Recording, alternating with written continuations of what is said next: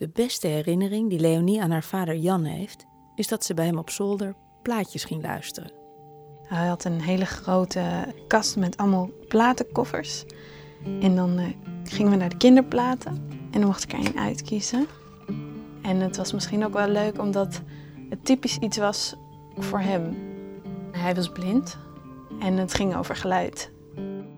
Twee jaar geleden overleed de vader van Leonie. Hij was 74, zij toen 26. Zo heel veel goede herinneringen heeft Leonie niet aan haar vader.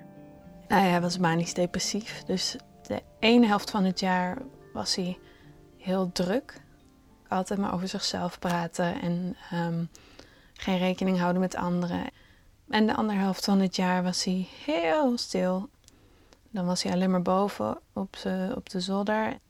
En ertussen zat dan een soort van overgangsperiode van twee weken, waarin het echt perfect was.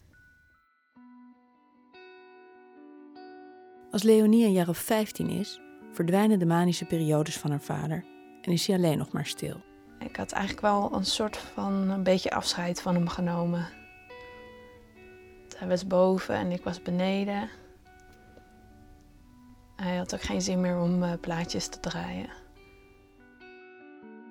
Leonie's vader was niet bij de eindmusical van de basisschool, niet bij haar badmintonwedstrijden, alleen haar moeder zat juichend op de tribune, en ook niet bij haar afstuderen.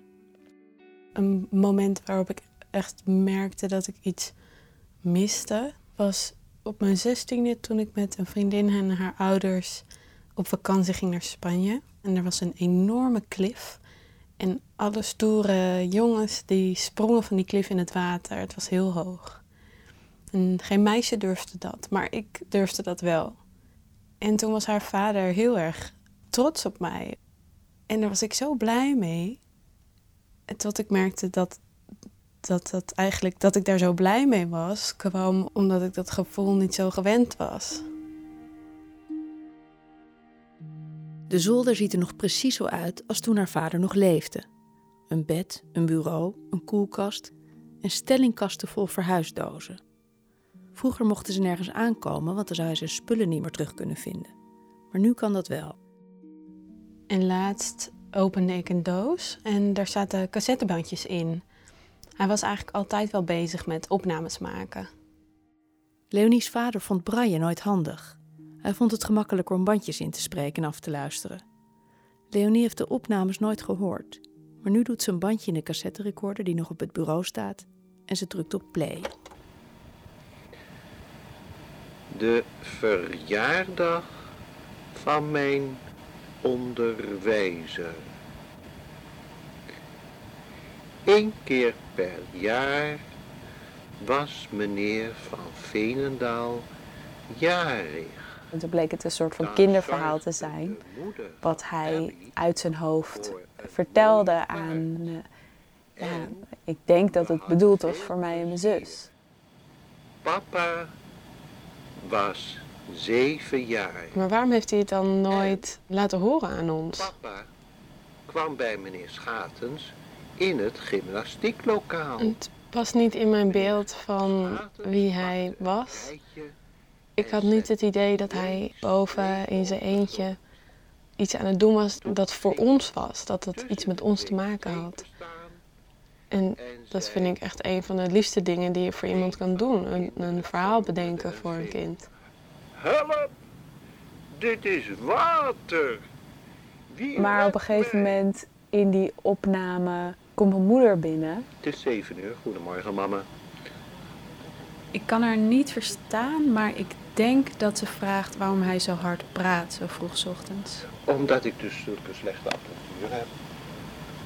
Bedoel, dat weet je zo langzamerhand wel. Je bent niet achterlijk.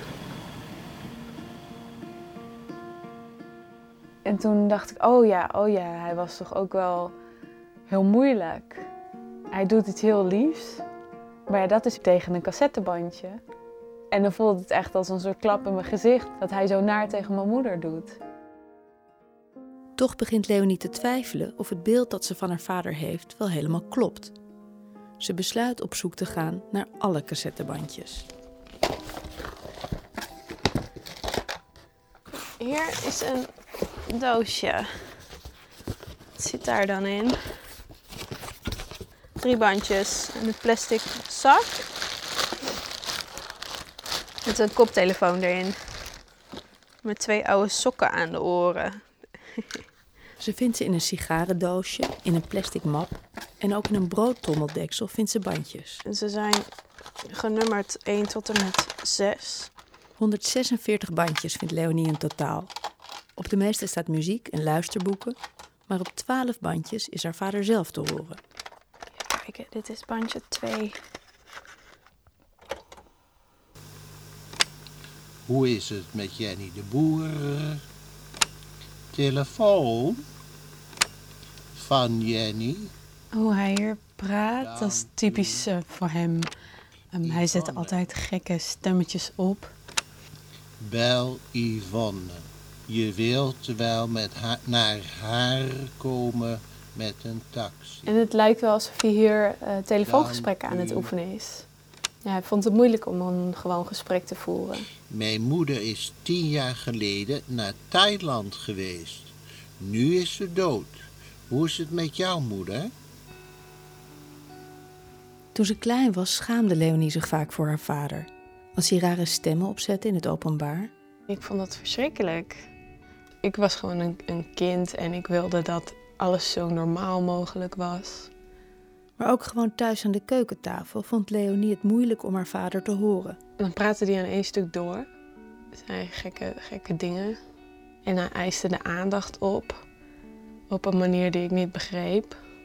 En ik wilde gewoon dat, dat hij ophield met praten.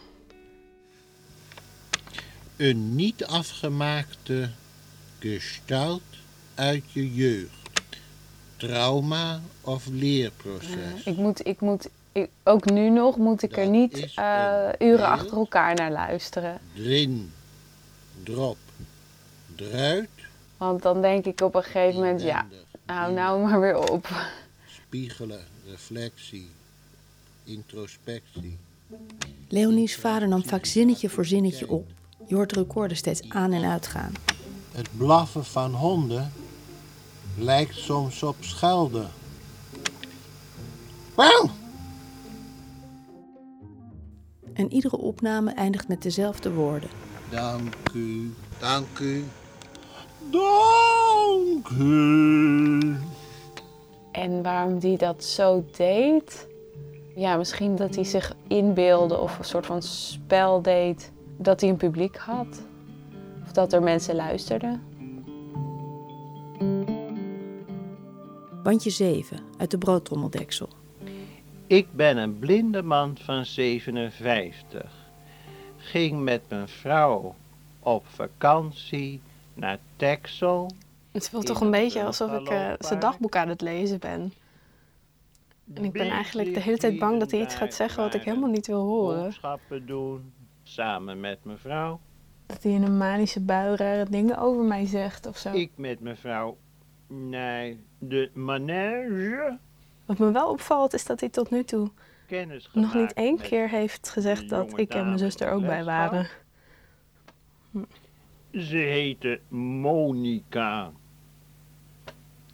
En ik heette meneer Jan. Bandje 6. Dit is zes. Kopen. Dank u. CD Edith Piaf.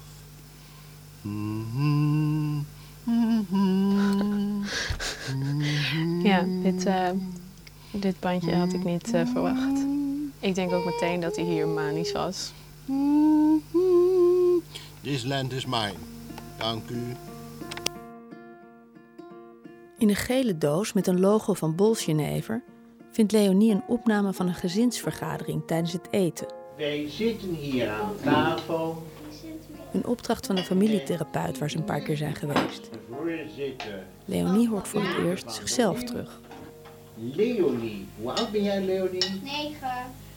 Eh, wie is dit? En En dit eh, gezeik hoeft allemaal niet. wie staat mij even voor te spreken? Ikke! Wie Ja. ben jij? Een grote lul met de behanger. Eh, die de notalist is of zoiets. En hoe heet die? Die heet Jan en hij is Wat zijn we brutaal. in 70. Het gaat er toch om een beetje, dat zit ook een serieuze kant aan dit gesprek. En mijn vader die probeert er nog wat van te maken. Nou, Han- nou, Voorstel van Hanna, we openen met een klachtenrondje. Oh, nou. Ik heb eigenlijk niet zoveel klachten. ik vind dat het de laatste tijd best goed gaat met papa. Alleen hij moet zich wat minder aanstellen. Dat is geen klacht, Leonie. Nou even serieus. Ik vind het echt eh, tamelijk hilarisch dit om naar te luisteren.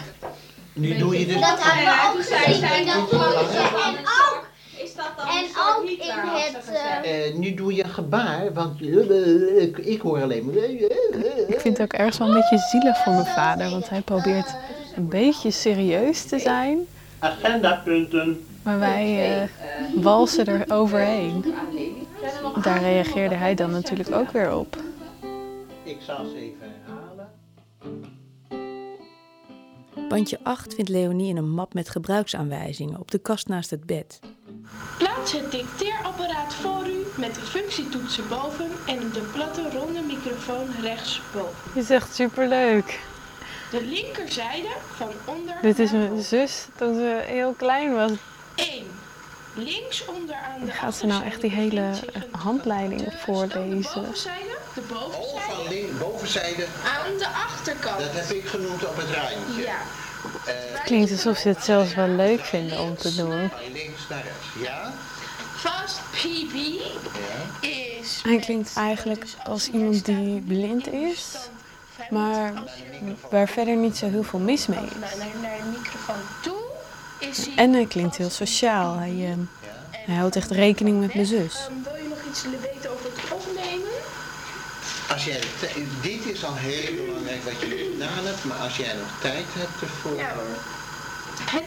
Dat mijn vader zo kon zijn, dat was ik eigenlijk gewoon vergeten. in te drukken. Maar ik moet dus mijn eigen herinneringen ook een beetje herschrijven. Oh, deze moet zo. En deze moet zo. Ja, en dan? En ik merk dat ik bij alles dat luchtig of vrolijk klinkt, ik denk ja, hier was hij in de manische periode. En misschien was hij wel gewoon blij of